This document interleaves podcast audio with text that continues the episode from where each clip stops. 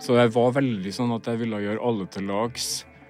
Uh, Passa veldig på at det var balanse i ting. At var liksom, alle skulle skjønne at jeg var like glad i dem. Jeg gjorde ganske mye for andre som jeg trodde at ville gjøre dem glad, som ikke nødvendigvis gjorde meg glad. Mm. Og det har nok vært veldig sånn uh, formende.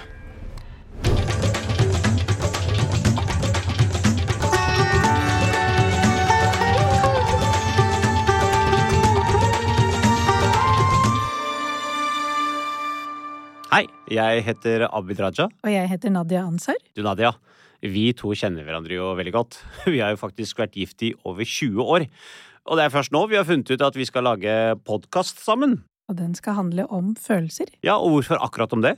Lurer du faktisk på det, Abid? Nei, du, egentlig ikke. Jeg, jeg drev egentlig bare og tenkte på hvordan vi skulle lage en sånn fin overgang til de som hører på. Eh, jeg tror folk har fått med seg at vi er jo litt mer enn gjennomsnitt opptatt av å snakke om følelser. Derfor skal vi invitere forskjellige mennesker som vi er nysgjerrige på, til å komme hit og snakke åpent om følelsene sine. Målet er jo sammen bli flinkere til å både gjenkjenne og håndtere egne og andres følelser. Rett og slett gjøre både Norge og verden til et mer følelsesvennlig sted. Det er litt av et eh, verdensprosjekt, altså. Ja. Skal vi bare sette i gang, eller? Ja, la oss gjøre det. Denne podkasten er laget i samarbeid med Apotek 1.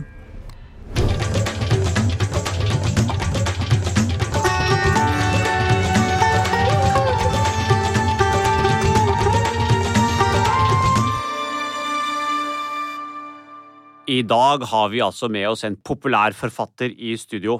Han er oversatt til altså minst 34 språk rundt om i verden.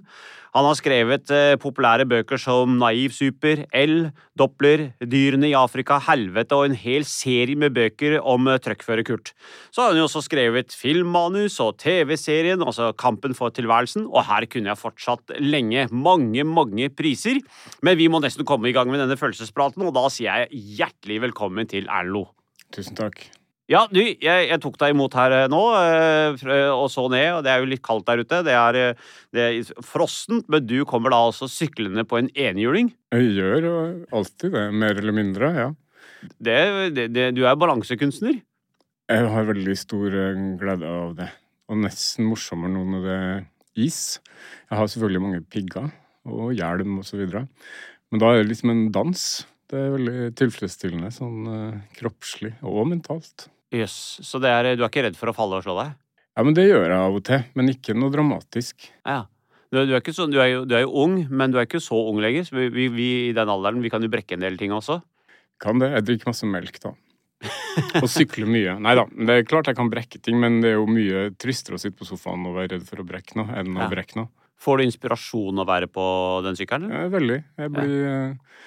Litt utålmodig hvis jeg ikke kan gjøre det en dag. Så jeg sykler lange omveier til kontoret og hjem igjen og hit og rundt omkring. Som gir deg inspirasjon? Det jeg må bare legge til. Altså, nå har jeg hørt på litt podkaster med deg, Erlend Lo, i forbindelse med denne her. Og jeg har hørt deg snakke om sykkelen din i Drivkraft, og jeg har hørt om, deg snakke om sykkelen din i Nitimen. Og nå tenkte jeg nå er vi i den samme fella. Og det er kanskje sånn som skjer med en som sykler på enhjuling, at det blir et samtaleemne. Ja, det er jo litt spektakulært, og det skjønner jeg. Men, Men da dropper vi det. Da spør vi heller hva, hva gjør du om dagen nå? Hva, er, er det i gang med noen nye prosjekter, eller er det Ja da. Jeg skriver ei, ei bok, prøver på det, og så er det forskjellige manus i forskjellige faser. Og nå er det jo litt sånn trange tider i den TV- og filmbransjen, men jeg har, um, har noe å holde på med. Ja, du har jo akkurat, eh, altså akkurat Det har jo vært en premiere på en, eh, en manus for film som du skrev, altså Hør her, da. Og det blir jo teateroppsetting også. Har du vært involvert i den nå? eller? Eh, nei, ikke i teatret. Men i filmen? Jeg skrev det manuset sammen med en uh, yngre kollega, Nora Landsrød. Uh, ja, nei, den ble veldig søt, syns jeg. Altså, den så jeg i denne helgen. Den er altså så søt og morsom, men også ganske rørende. Ja. Så det er utrolig godt gjort, og dere har klart å smette inn Bollywood-elementer med musikk og sånn, som har gjort at uh, det traff i hvert fall meg veldig, da. Så bra. Det er jo i bok i utgangspunktet, da. Man jeg, jeg har ikke funnet ja, ja, på det. men jeg har tilrettelagt det. Den har barna lest. Ja, så bra. Det er jo veldig bra. Den skal jo nå bli teater også, så det, det er jo uh, mulighet for å, for å, se det også. Men du skriver både altså bøker, uh, teatermanus. Ja, gjør du det òg, eller? Ikke så mye. Jeg har gjort det. Nei, da, men jeg, jeg, jeg, begynte jo med bøker, og så har jeg utdanna meg altså for mange år siden da, som manusforfatter. Så det er det jeg er. Skriver forskjellige ting. Først og fremst film og bøker. Mm. Ja, jeg tenker på med, hvis, hvis man googler deg øh, Vi har jo ikke full oversikt over alt det du har produsert, for det er jo veldig mye. Det er, liksom, det er jo helt usedvanlig. Men kan du liksom noen ganger tenke, sitte i en stol og tenke hm, det, det der det er det beste eller det morsomste eller det fineste eller Ja, altså er det noe, er det noe som skiller seg ut for, for, for deg selv? Ja, det er det jo. Altså, du, du nevnte jo Naiv super her i sted. Uh, den boka er skrevet på en sånn veldig intuitiv måte. Jeg visste liksom ikke helt hva jeg holdt på med, men hadde en anelse likevel om at det kom til å være noe som var traff tida si. Og når det funka, og når det tok helt av og ble oversatt Som du sa, den er oversatt til flere og 30 språk, så jeg føler jo at den har åpna veldig mange dører for meg. Så jeg er veldig glad for at jeg gjorde det. Jeg husker jo den boka selv fra min tid, og eh, det er jo liksom den derre både den herre ensomme figuren som på en måte Altså gjerne inntreffer på en tid når det er en overgang eller det er noe spesielt som skjer, men også litt det derre måten du skriver på som er så utrolig unik, og nesten utrolig på en måte å, å se at at du har på en måte eh, gjort det rommet eh, for hvordan litteratur kan skrives mye bredere, da. At det er mye mer aksept for en leken og litt naiv måte å skrive på. Jeg hadde jo lest andre ting som gjorde meg i stand til å skrive det, men eh, det var nok et, et, på et sett og vis et brudd med den tida, spesielt, for den var ganske sånn hard. Altså mm. 90-tallet, det ironiske sofistikerte, tøffe 90-tallet. Så da krasja den med det, og det var jo veldig med vilje. Mm. Som leser kan jeg være glad i veldig store romanprosjekter med masse ord, men jeg syns også at det fins en del forfattere som gjemmer seg bak masse ord. Så da prøver jeg nok å etterstrebe noe tilsynelatende enklere, da. Nettopp. Mm. Og det bringer oss videre til følelsessporet. Ja, for det lurer jeg på. Det er et sånn standardspørsmål vi har til alle gjestene etter litt sånn koseprat, og det er er du et følelsesmenneske, Erlend? Ja, jeg er nok det. Eh, det må jeg si ja på. Men så tror jeg av og til at jeg later litt som jeg ikke er det, eller at jeg prøver å havne i situasjoner hvor jeg slipper å framstå som det. Eh, men jeg er det. Når jeg er trygg, altså på hjemmebane med dem jeg er glad i, med kjæresten min osv., og, så og i andre trygge rom, kino for eksempel, da er jeg veldig følelsesmenneske. Da skal det veldig lite til før jeg lar meg påvirke av um, ja, uh, grep, f.eks. i filmer da, og, og musikk. Da, da, er jeg veldig rask til å ta til tårene, og hvis vi ser på The Voice og sånn, så er jeg helt sånn pinlig mye og ofte berørt, liksom. Ja. Så sånn sett er jeg nok sensitiv i den forstand at jeg tar inn mye. Ehm, men samtidig så har jeg nok ehm, en tendens til å være litt kontrollert. Det skal mye til før jeg liksom slipper meg løs. Jeg kan være veldig tilbakeholden i sosiale sammenhenger. Jeg kan ha lite lyst til å gå på fest, eksempel, hvis det er en, en målestokk. Det, det kan jeg synes er slitsomt. Mm, med mindre jeg blir veldig full, og det blir ikke så ofte. Men det burde jeg antagelig bli ofte. Pga. den sosiale settingen som krever en del ting. Uh, kinosal er jo litt sånn Jeg kan kjenne meg litt igjen i det, for det er litt sånn mørkt. Du er litt for deg selv. Det, og, og, du kan gi slipp. Uh, mens i en sånn sosial setting med masse mennesker, så vil man jo i hvert fall ikke bli følt, altså tåre, tårevåt. Nei, men jeg tror også jeg blir litt sliten av um, ja, snakk med fremmede, presentere meg Eh, jeg har aldri vært veldig god til smalltalk. Det kunne mm. jeg nok uh, vært mye bedre på, da. Ja, for jeg hører liksom flere Det er veldig sånn nydelig å høre deg reflektere, for det passer veldig med hvordan jeg opplever deg når jeg leser deg, for jeg kjenner jo ikke deg egentlig. Men det er det der med at du sier noe om at ja, jeg er et følelsesmenneske. Det vil si at jeg er sensitiv, så jeg tar mye inn av det som skjer rundt meg. Altså jeg lar meg lett bli preget og påvirket av um, triggere der ute. Altså det som skjer rundt meg. Det preger meg. Så det vil si egentlig at du tar ganske mye inn gjennom dine, ditt filter eller dine grenser. Da. At du er på en måte at uh, lar deg lett bli påvirket. Og samtidig så sier du noe om at når det kommer til å slippe ut den, de følelsene som du kjenner på, der er du kontrollert, sier du. Så Der, der, er er jeg nok veldig kontrollert, egentlig. nettopp, så Mm. der er du på en måte det såkalt overregulert. Eh, og det som ofte skjer da, er at folk kan oppfatte deg som en person som ikke føler så mye. Ja, men det stemmer nok, tror jeg. Ikke sant? Der er du veldig lik veldig mange typisk norske menn, da, vil jeg si. Mm. At eh, veldig ofte så er det sånn at man ser på gruppenivå at eh, menn framstår som litt følelseskalde, som om de ikke føler. Og når man på en måte som psykolog eller som forsker da går inn så, og, og på en måte koder eh, hvordan en mann prater og hva slags følelser han egentlig kjenner, så, så scorer de ganske dypt på opplevelse. Så det vil si at de har ganske god kontakt innover på opplevelsesnivå. Eh, men de bruker gjerne språket og er litt mer overregulert. Mens kvinnen, hvis man kategoriserer de veldig, da, de scorer veldig høyt på såkalt aktivering. Som betyr at de kan ha et emosjonelt uttrykk som er ganske voldsomt og veldig sånn dramatisk, eh, kanskje av og til. Eller at følelsene er litt sånn utapå og framstår som lett å lese. Mens kontakten nedover trenger ikke å være like dyp. Så det vil si at det er ikke sikkert at de vet hva slags følelser de uttrykker der ute. Det kan hende at de egentlig framstår som redde, men ikke selv har kontakt med frykten, ikke sant? Så høy på aktivering og lav på opplevelse, hvis man tar det veldig på gruppenivå. Når det gjelder kvinner, og når det gjelder menn, så er det motsatt. Mm. Så jeg syns det er ganske interessant, for det høres jo ut som om du har veldig god kontakt på innsiden med din intuisjon. Eller litt sånn magefølelse. Ja, det er nok det som, er aller, som jeg tror er aller tydeligst med meg. Utrolig mye av det jeg har jobba med de siste 30 årene, er på en måte ren intuisjon. At jeg ikke vet helt hvor det kommer fra, eller hva jeg skal med det, men nå kommer det noe ut, og jeg koser meg med det. Ja. Og så tar det lang tid før jeg ser hva det er for noe, eller hva jeg har gjort, eller hva resultatet ble. Og ofte så tenker jeg ikke helt over det heller, men går videre, liksom. Ja. Hvis man skulle omkodet det til psykologien, da, så høres det for meg ut som om du har god kontakt med dine primære følelser. Altså det vil si de første, den første følelsen du kjenner.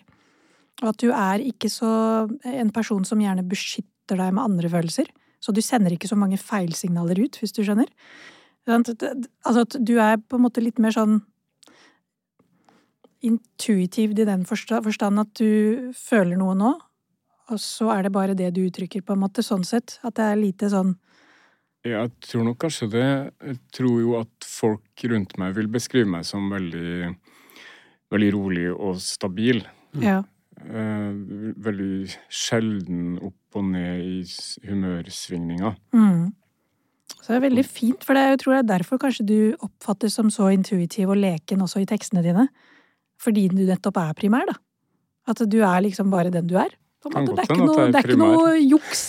Primær er ikke så gærent. Det, det, det, det høres Genuin, primitivt ut, men det er kanskje Ja, ja. positivt. Nei, nei, det er heller det motsatte. For ofte så kan vi andre, da, som ikke er så primære, vi, vi, kan, eh, vi kan gjerne For du er ikke primær? eh, Nei, altså jeg har Blitt vært mer og mer med tiden. Mer og mer med tiden, men, men altså det er sekundære følelser. Altså det, jeg kan ikke helt skjønne hvorfor jeg Tidligere sånn, ikke helt skjønne hvorfor jeg føler sånn som jeg føler.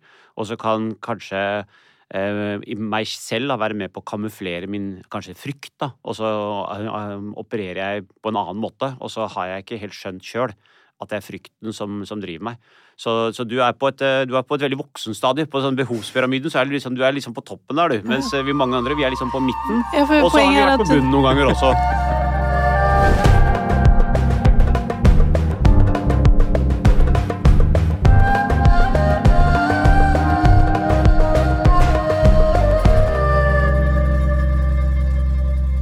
Jeg lurer jo litt på eh, hvordan du var som barn, jeg.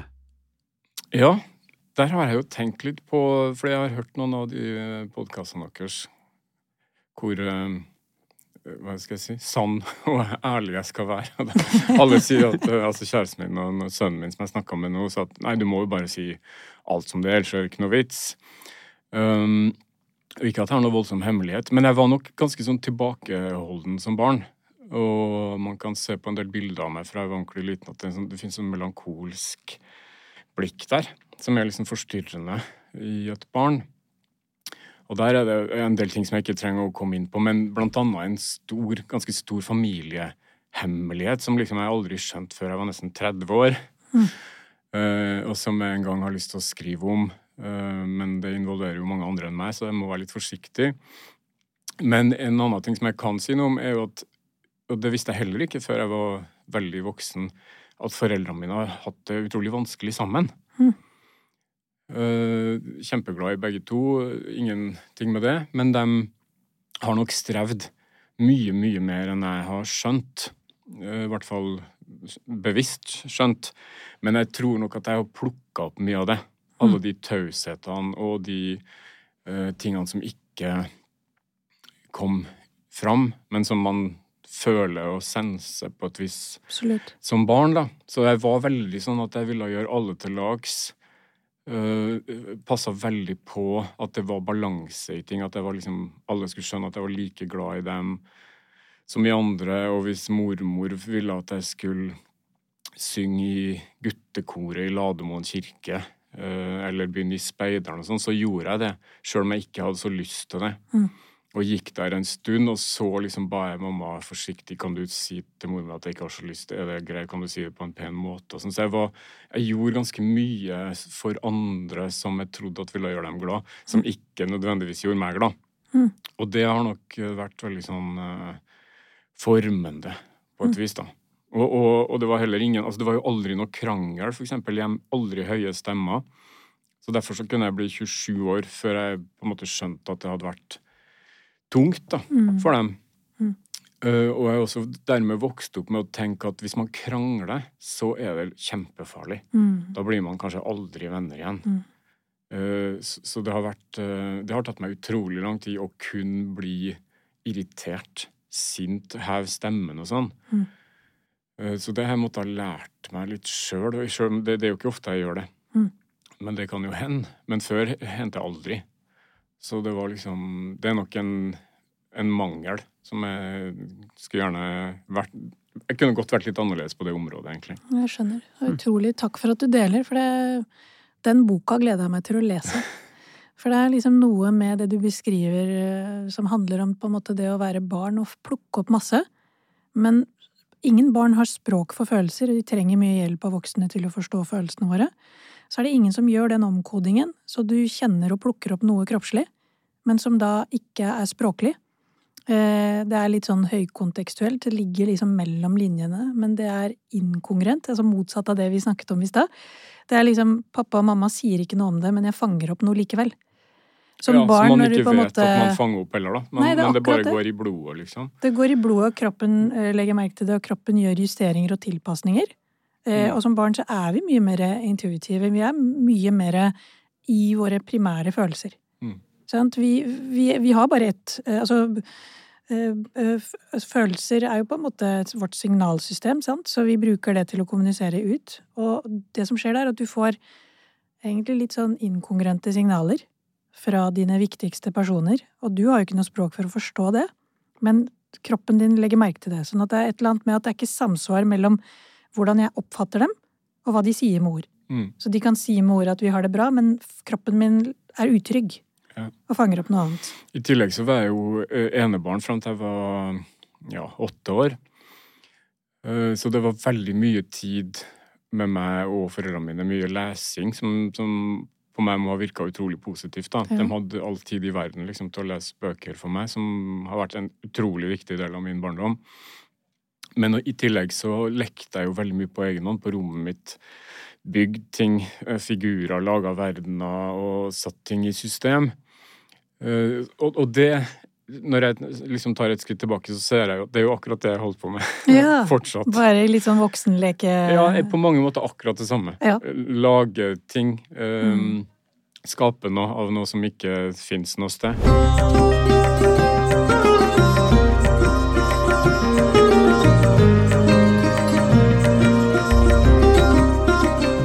Du, Nadia, vi har jo en sponsor i podkasten. Og ikke en hvilken som helst sponsor.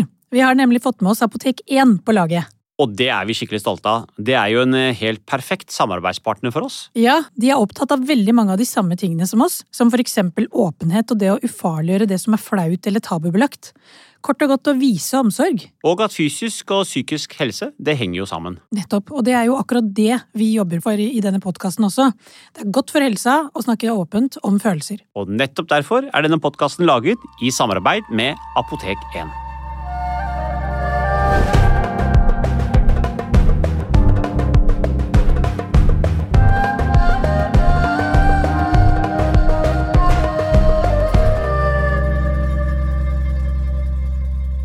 tilbake til eh, sant, Erlend som ja, sant, ble meldt på på Speideren eller andre ting, og, og så gjorde det for å glede andre, og egentlig ikke kunne si helt klart ifra at dette vil jeg egentlig ikke, sånn i hvert fall ikke umiddelbart. Det, det, det, det står ikke helt i stil med kanskje den normale norske oppdragelsen, hvor man gjerne kanskje eh, skal sant, se etter barnets selvstendige mening og hva, hva vil eh, Og så er kanskje mange barn flinkere til å si fra, mens du kanskje var mer opptatt av å også imøtekomme de voksnes behov. Ja, ingen, ingen skulle være lei seg eller opprørt på grunn av meg. Mm. Det har jeg nok hatt med meg veldig tidlig. Mm. Om det ligger i meg, eller om det er plukka opp fra omgivelsene eh, og forventninger fra dem, det aner jeg egentlig ikke. Men veldig sånn har jeg vært, ja. Og det kan jo være begge deler, sant, men det er noe med at hvis jeg i utgangspunktet er utrygg fordi at de rundt meg framstår for meg som utrygg, altså det er jo på en måte hvordan jeg oppfatter verden, ikke sant, så trenger jeg gjøre noe for å gjøre de trygge for at jeg kan føle meg trygg. Og hva er det jeg kan gjøre? Jo, jeg kan i hvert fall eh, gjøre som de sier. Eh, fordi at hvis de er glad og har det bra, så kommer jeg til å bli rolig.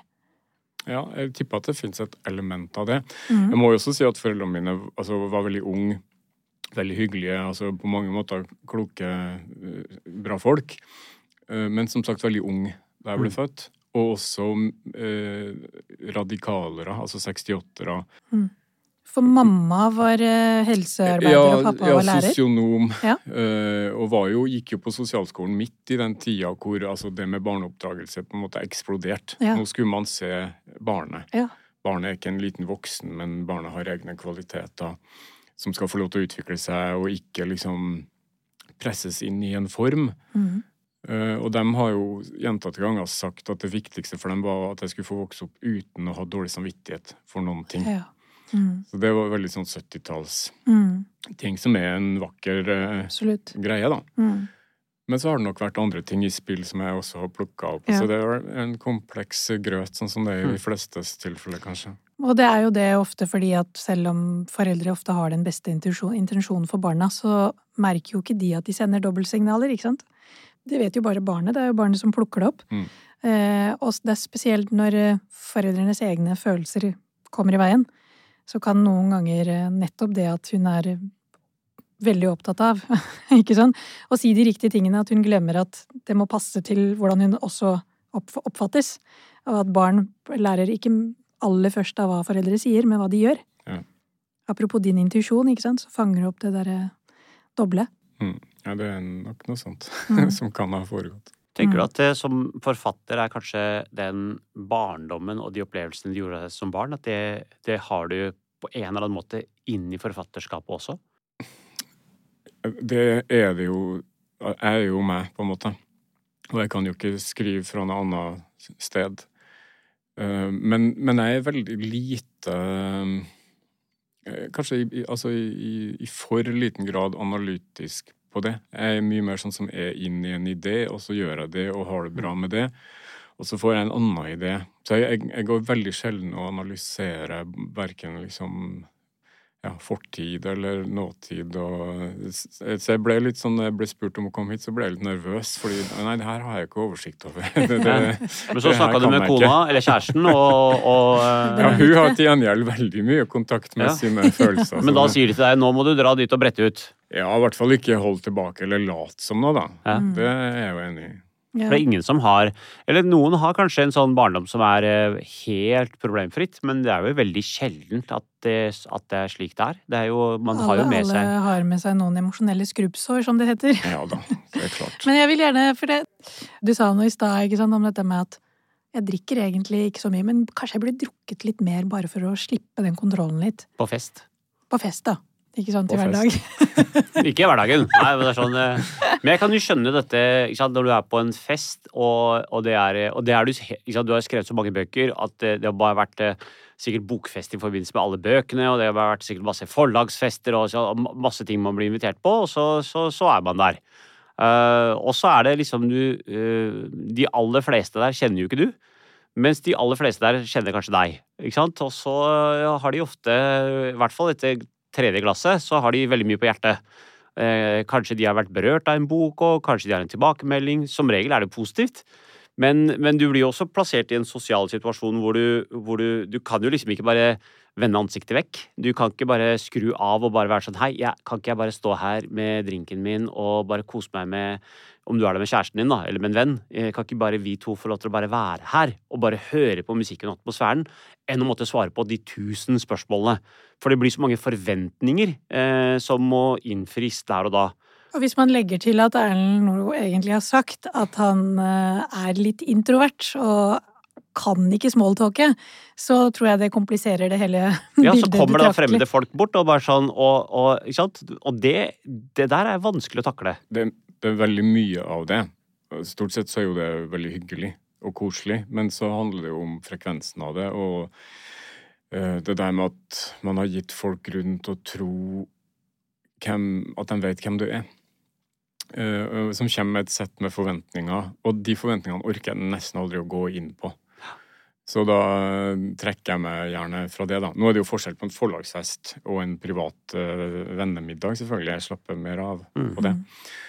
Um, men uansett så tenker jeg at det der er noe som jeg må lære litt mer av og bli flinkere til. da. For det, for det er, jo ikke, jeg er jo ikke en enstøing. Jeg har ikke lyst til å sitte eh, for meg sjøl. Men det kan jo også hende at eh, folk kan bli flinkere til det. Eh, Altså for eksempel, jeg tror, jeg kjenner jo en del komikere. Så det er mange folk som treffer komikere og tenker at den komikeren her kommer til å skru på nå og kommer til å være dritmorsom på den flyturen sammen med meg. Altså, det, er sånn, det sitter en komiker på flyet, så kommer du, og så er det sånn Å, så heldig jeg er at jeg skal sette meg ved siden av deg nå. Og så tenker du at han komikeren skal underholde deg nå på den flyturen. Så det kan jo også hende Du har sikkert truffet noen sånne, du òg. Så, å, jeg har alltid hatt lyst til å treffe deg, og nå er vi på dette flyet, ikke sant. Og så kan det jo hende at det ikke er du som skal lære nye ting, men kanskje andre også skal lære en del ting. Absolutt. Men eh, man, ved å gi ut noe, eller å være i verden og liksom gi ut noe som gir grunn til at folk kan tenke noe om det, så er man også med på en, en lek. Og den må, kan man, man kan ikke helt trekke seg fra den heller.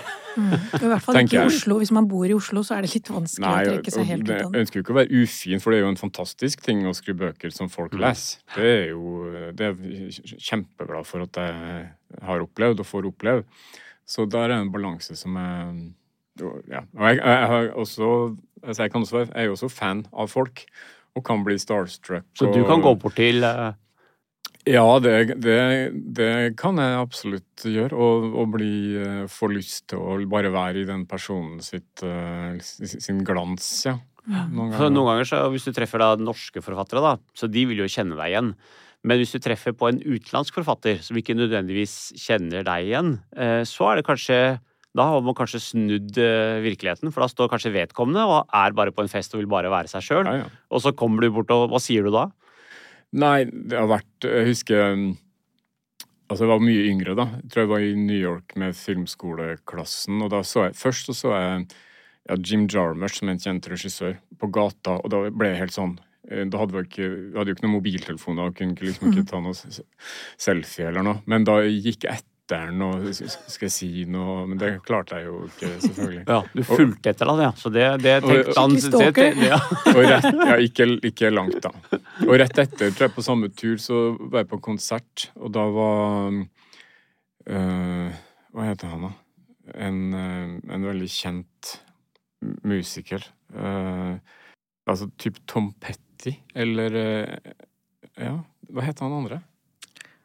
Åh, der er vi Vi er blank på det. Ja, men det var på en, En kjent konsert, uansett, en- en- en kjent kjent- musiker som sto og liksom tissa ved siden av meg, i urinalet ved siden av meg, på et utested. Oi. Og da var det også sånn jeg Kjente hele kroppen og hadde lyst til å si at jeg beundra han, og, men jeg klarte jo ikke det, det. så Kanskje et med, dårlig sted å stå i urinalen. Og så sånn eh, Hey buddy, I really love your work, liksom. Nei, jeg gjorde uansett ikke det. Nei.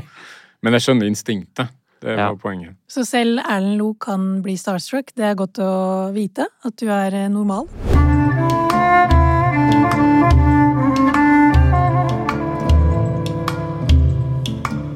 Jeg vil litt sånn tilbake til det sporet, for jeg syns det er liksom interessant det der med Jeg kan merke at når jeg forsøker å forstå deg, så vil du på en måte gå med på det, men ikke helt.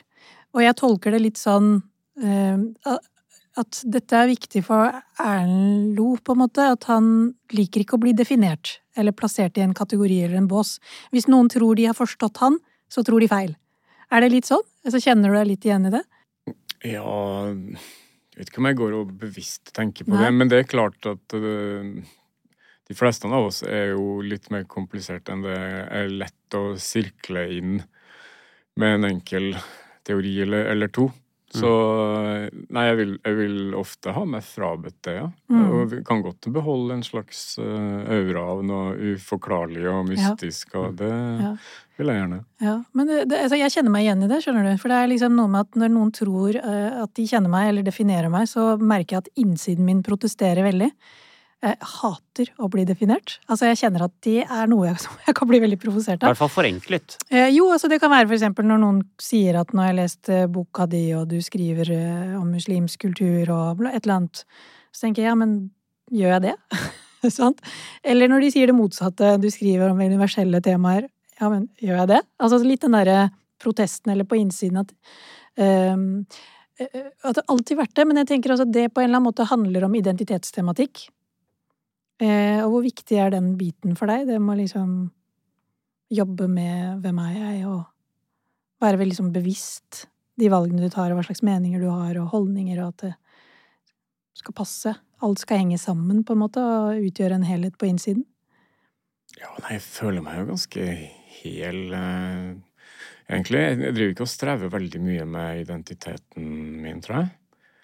Det er jo mest det sosiale som jeg var innom, som kan være litt sånn utfordrende for meg noen ganger. Um,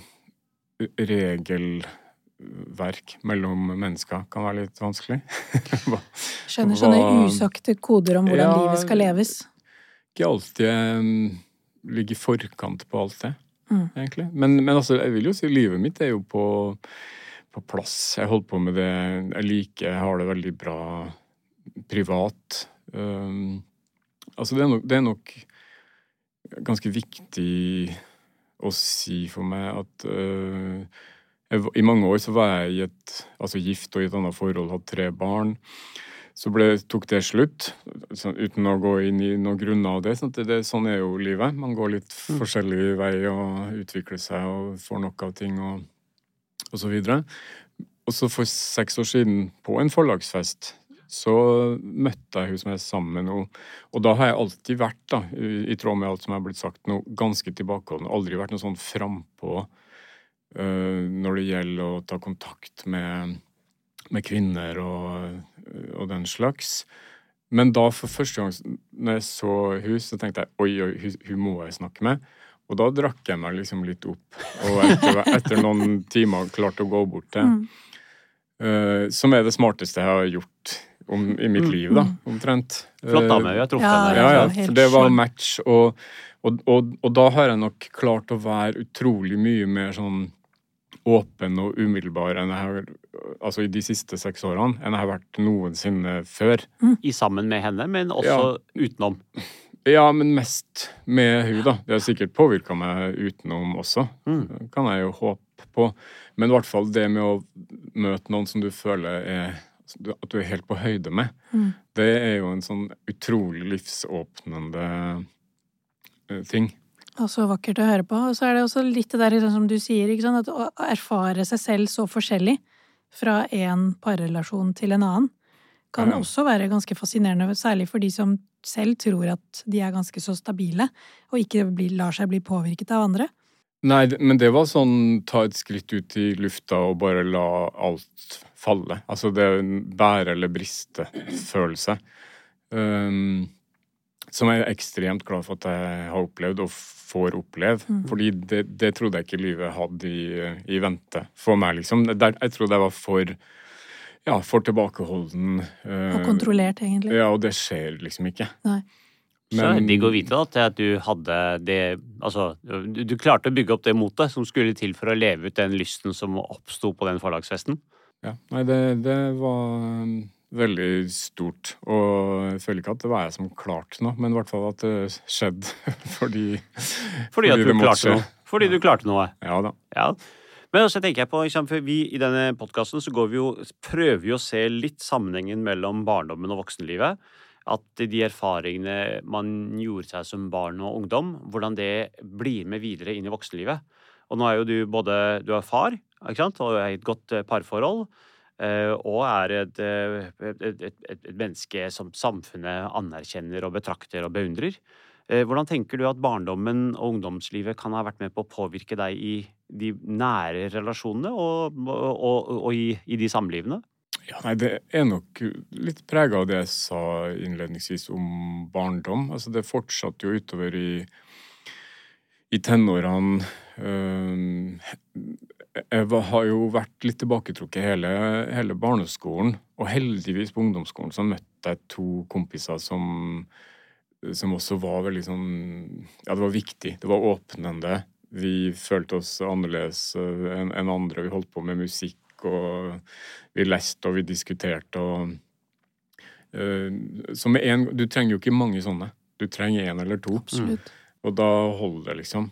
Eh, Så da følte jeg meg innafor normalen, og det hadde jeg nok ikke helt gjort før. Og fikk kjæreste og var, var en, en vanlig, hermetegn, mm. ung, ung mann, da. Men så har jeg alltid jeg har alltid eh, sånn, drømt om sånne brudd, at det skulle skje noe annet. Så jeg var jo utvekslingselev i Frankrike i, i et år. Som egentlig var litt sånn atypisk, og krasjer med litt av det som jeg sier om tilbakeholdenhet. For, for det er jo virkelig å ta et skritt inn i et språkområde som jeg sant, hadde veldig lite grep om. Men da hadde jeg en sånn, et oppheng på Frankrike, sånn uforklarlig oppheng. Eh, Det, antagelig kom det fra litt film, litteratur, syntes det var veldig spennende. Sant? Den, det franske romantiske og eh, temperaturen og hele lynnet som jeg har romantisert veldig, da. Um, så det, det, det er noe av det både skumleste og mest sånn spennende jeg opplevde, å stå første skoledag i en fransk videregående skole, uh, altså på en skolegård, og ikke kjenne noen, og kunne språket 80% dårligere enn alle andre. Men så finne ut av det, da. Det tror jeg har vært veldig sånn Det har betydd mye for sånn selvstendighetsbygging og hvem jeg var, og hvem jeg ble. Så det har vært eh, viktig. Ja, så så, Apropos det der temaet som kanskje går igjen, dette her med å være litt sånn outsider. Eh, litt sånn utenfor alt, på en måte. Litt sånn med det skråblikket. Ja, jeg har nok oppsøkt liksom outsider-rollen noen ganger. Ja, og kanskje til og med trives med det. At uh, både en sånn kombinasjon av det og at jeg trenger flokken min. At, uh, at man trenger begge deler, da. Ja. Jeg, har, jeg har nok uh, Altså Når vi snakker om det, så tenker jeg jo på at jeg har Jeg vet jo ikke i hvor stor grad andre har behov for å bli likt, men jeg har alltid tenkt at jeg Selvfølgelig har jeg som forfatter behov for å bli likt, men det er ikke så farlig hva folk tenker om meg. Det, altså det bruker jeg veldig lite tid på å bekymre meg om. Om man syns jeg er rar eller dum eller Det tror jeg, hvis det stemmer, da, jeg tror kanskje det stemmer, så tror jeg det er en, en viktig forutsetning for meg. Fordi eh, jeg bruker utrolig lite tankekraft på å gjøre ting som gjør at noen som jeg ikke vet hvem er, skal like meg. Ja. Det, det Så hvis jeg jeg skulle anmelde boka di eh, i en sånn anmeldelses, altså podkast, og gi deg terningkast to, Nei, men han sa det, han ja. hva, hvordan ville du reagert på Nei, det? jeg vil selvfølgelig gjerne at det laget skal bli eh, anerkjent som bra. Mm. Men at nå har jeg jo vært med lenge, 30 år, og har jo skjønt at noen ganger går det veldig bra, andre ganger slett ikke. Og samme bok kan få veldig dårlige veldig mm, positive Mm. anmeldelser. Så det, Så du går ikke helt Nei. ned i kjelleren? det er heller ikke noe jeg bruker veldig mye tid på. Mm. Men den dagen hvor det kommer ut dårlige anmeldelser, så, eh, så flykter jeg jo litt, og leser dem ikke, og venter bare på at ting skal gå over. Skjønner. Og har jo lært meg at om ei uke så er det jo bare noen få som husker det her. Eh, Så, så ting forsvinner, da. Men nei, det er selvfølgelig vondt. Men jeg, det er heller ikke sånn at jeg vil Jeg går ikke til så veldig mange skritt for at eh, noen skal Altså, jeg, jeg tar det ikke så tungt, da, egentlig. Hva Benedicte, partneren din, het, ikke sant? Ja. Hvis hun skulle kritisert deg, hvordan takler du det? Ja, hun gjør jo det noen ganger. Korrigerer meg på ting som jeg kunne ha blitt eh, bedre på. Mm. Hvordan, Eh. altså, er du god på å takle kritikk i nære relasjoner, vil du si det? Jeg går ikke i baklås, Nei, nei. skjønner. Jeg kan jo synes at ting var urimelig, eller er mm. urimelig. Mm. Kanskje særlig i, i andre forhold enn det jeg lever i akkurat nå. Eh, og da kan jeg jo bli urimelig tilbake, Mm. og sur over lang tid og sånn. Så det, der er det nok mange dynamikker Ja. som er ikke mer sjarmerende i meg enn i andre. Nei, men det virker er ikke som det er på en måte noe som du tar tyngre enn folk flest. Jeg er veldig dårlig på å takle kritikk, for eksempel. Det virker som om du ikke er så dårlig på det. Det trenger ikke å være kritikk engang. Hvis jeg bare påpeker noe som ikke er ment som kritikk, så hører hun kritikk. Jeg Det hører er, kritikk. så eh, det er Nadias sår. Hvis du kritiserer meg, og jeg samtidig skjønner at du er glad i meg, så er det veldig greit. Så det som veier tyngst for deg, så lenge du vil være sammen med meg, Ja. så er det greit. Så det, det, det du, altså, du har en Allerede nå så f sier du noe som jeg, jeg kan i hvert fall fange opp at du har litt den samme organiseringen som den fyren over der, da. Så litt sånn Abid er jo også litt sånn eh, Tåler kritikk ganske godt. Eh, så lenge du vil være kjæresten min, og eh, vi kan se på film, og vi kan holde hender og dra på konsert eller ferier sammen. Når hun vil meg vel, på en måte, jeg vet at hun vil meg vel, så hører jeg kritikken, men jeg kan forstå den. Men kanskje kritikk som eh, Men jeg, der skiller jeg meg fra deg, da, for at du sier du er ikke så Men det er kanskje Du er jo forfatter, og jeg er nå politiker, så vi politikere er jo veldig opptatt av å bli likt av massen, på en måte. Så du er ikke så opptatt av det, du er mer opptatt av at forfatterskapet blir likt, ikke så mye hva folk tenker om Erlend. Mens jeg som politiker blir eh, Det går jo en sånn fin grense mellom politikeren og personen. eh, Og hvis Så, så det er, der skiller jeg meg litt. Grann. Eh, Men veldig, veldig interessant Veldig interessant dette med at, at du takler kritikk i parforholdet veldig bra. Det, for det er ikke det- alle som klarer å gjøre det. Jeg syns det er bare sånn vakkert å høre at du både har liksom Du sa noe om at det er først i voksen alder at jeg begynner å reflektere over hvordan den barndommen har preget meg, og hva det gjorde med meg at vi hadde en familiehemmelighet som ingen snakket om. Eh, og kanskje kommer det en tid hvor jeg kan skrive mer om det, men det er en del hensyn å ta der. Så det forteller jo litt om at du er fortsatt Du har den herre veldig sånn eh, Den refleksive kapasiteten på å liksom gå inn og ut av opplevelser og skjønner at fortiden på en eller annen måte fram, preger eh, deg i dag som voksen, og hvordan du forholder deg til fortiden. Eh, Kan på en måte Man kan gjennom å forholde seg forskjellig endre på fortiden og fortidens betydning, da, på en eller annen måte. Men, men det som er fint med det også, er dette, dette med at du erkjenner den betydningen den trygge partneren hatt for deg. Eh, og at jeg har trengt henne, og, og hva det betyr for meg når jeg får det behovet dekt, og at, eh, hvor godt det gjør, og at jeg på en måte erfarer eller observerer meg selv som annerledes, da, enn jeg har vært før. Ja. Nei, det, det er den viktigste hva skal jeg si, byggesteinen på mange måter. Mm. At det forholdet At jeg er trygg i det. Mm. Og så kan det være veldig mange andre ting som jeg kan ta øh, og bry meg mye mindre om, fordi Mm. det i, forholdsmessig er mye mindre viktig. Så hvis jeg skulle utfordre deg litt, da, så ville jeg lagt til noe i det bildet, da, som er litt preget av den boka som jeg akkurat la fra meg før jeg møtte deg nå, 'Drømmenes sykkelregister', hvor det nesten virker som om på en måte, ja, ideen om det eneste man trenger i livet er en kaffekopp og utsikt mot Mjøsa, eller du må finne din Mjøsa, så ville jeg lagt til en hånd å holde rundt, eller en person. det, det kan legges til. Absolutt. Ah, dette ble så kjærlig og fint, men denne podkasten den faktisk går dessverre da mot slutten. Men vi har, vi har da et eh, fast punkt i, eh, i denne podkasten. Det eh, Vi har da et, en kortstokk med mange ulike spørsmål, så du må få lov til å trekke et spørsmål fra bunken her. Og så må du lese det, og så må du si det første som faller deg inn. Ok. Når er du mest smålig? Oi, vanskelig spørsmål. Mm. Ja, når jeg er mest smålig Jeg kan jo bli misunnelig når kollegaer får god kritikk, og ikke jeg får god kritikk. Det er jo ikke noe jeg sier eh, til så mange, kanskje bare til Benedicte. For det ønsker man, så, sånn ønsker man jo ikke å være. Men uh, også kan man jo, jeg kan også glede meg over uh, når andre som holder på innenfor lignende områder, da, film og litteratur, får dårlig kritikk. Mm. Det, det, og det, det her syns jeg er veldig vondt å eh, erkjenne, liksom, fordi det er, så, det er så dårlig, på en måte. Men andres ulykke kan, kan gjøre deg glad noen ganger. da. Både sjalusi og skadefryd er følelser du har hatt, med andre ord. Jeg kan ha snev av det. Absolutt. Da er Jeg vil du ikke si at det velkommen til hverdagen menneskeheten, min, men eh, det fins. Men det er eh, Du skal ha høy grad av selvfølelse og selvtillit, og tørre å innrømme det. Absolutt. Fordi at jeg tror det du kjenner på, det er nok ganske vanlig. Altså, i, i vår hverdag, da, politikernes, så partilederne sliter jo med det, for de har en debatt, og så kommer det terningkast etterpå. Og så får noen en femmer og sekser, og noen får en toer og til og med en ener. ikke sant? Hva tror du de enerne kjenner på, og hva tror du de femmerne og sekserne kjenner på?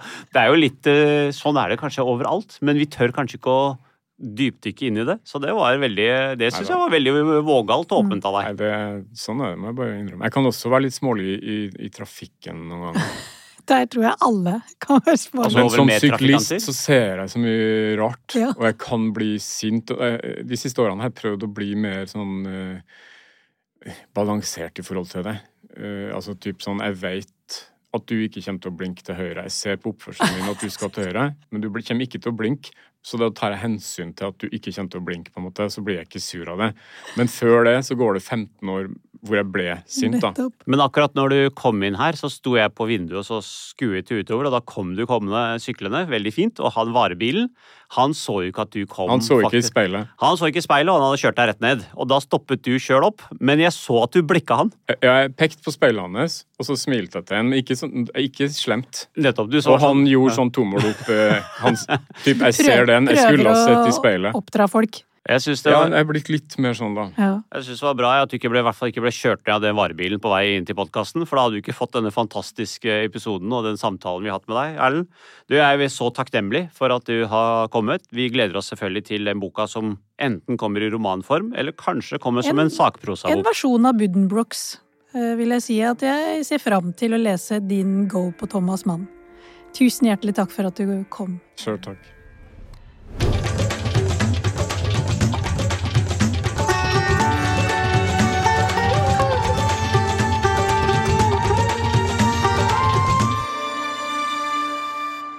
Apotek 1 Vår kunnskap, din trygghet. Plan B.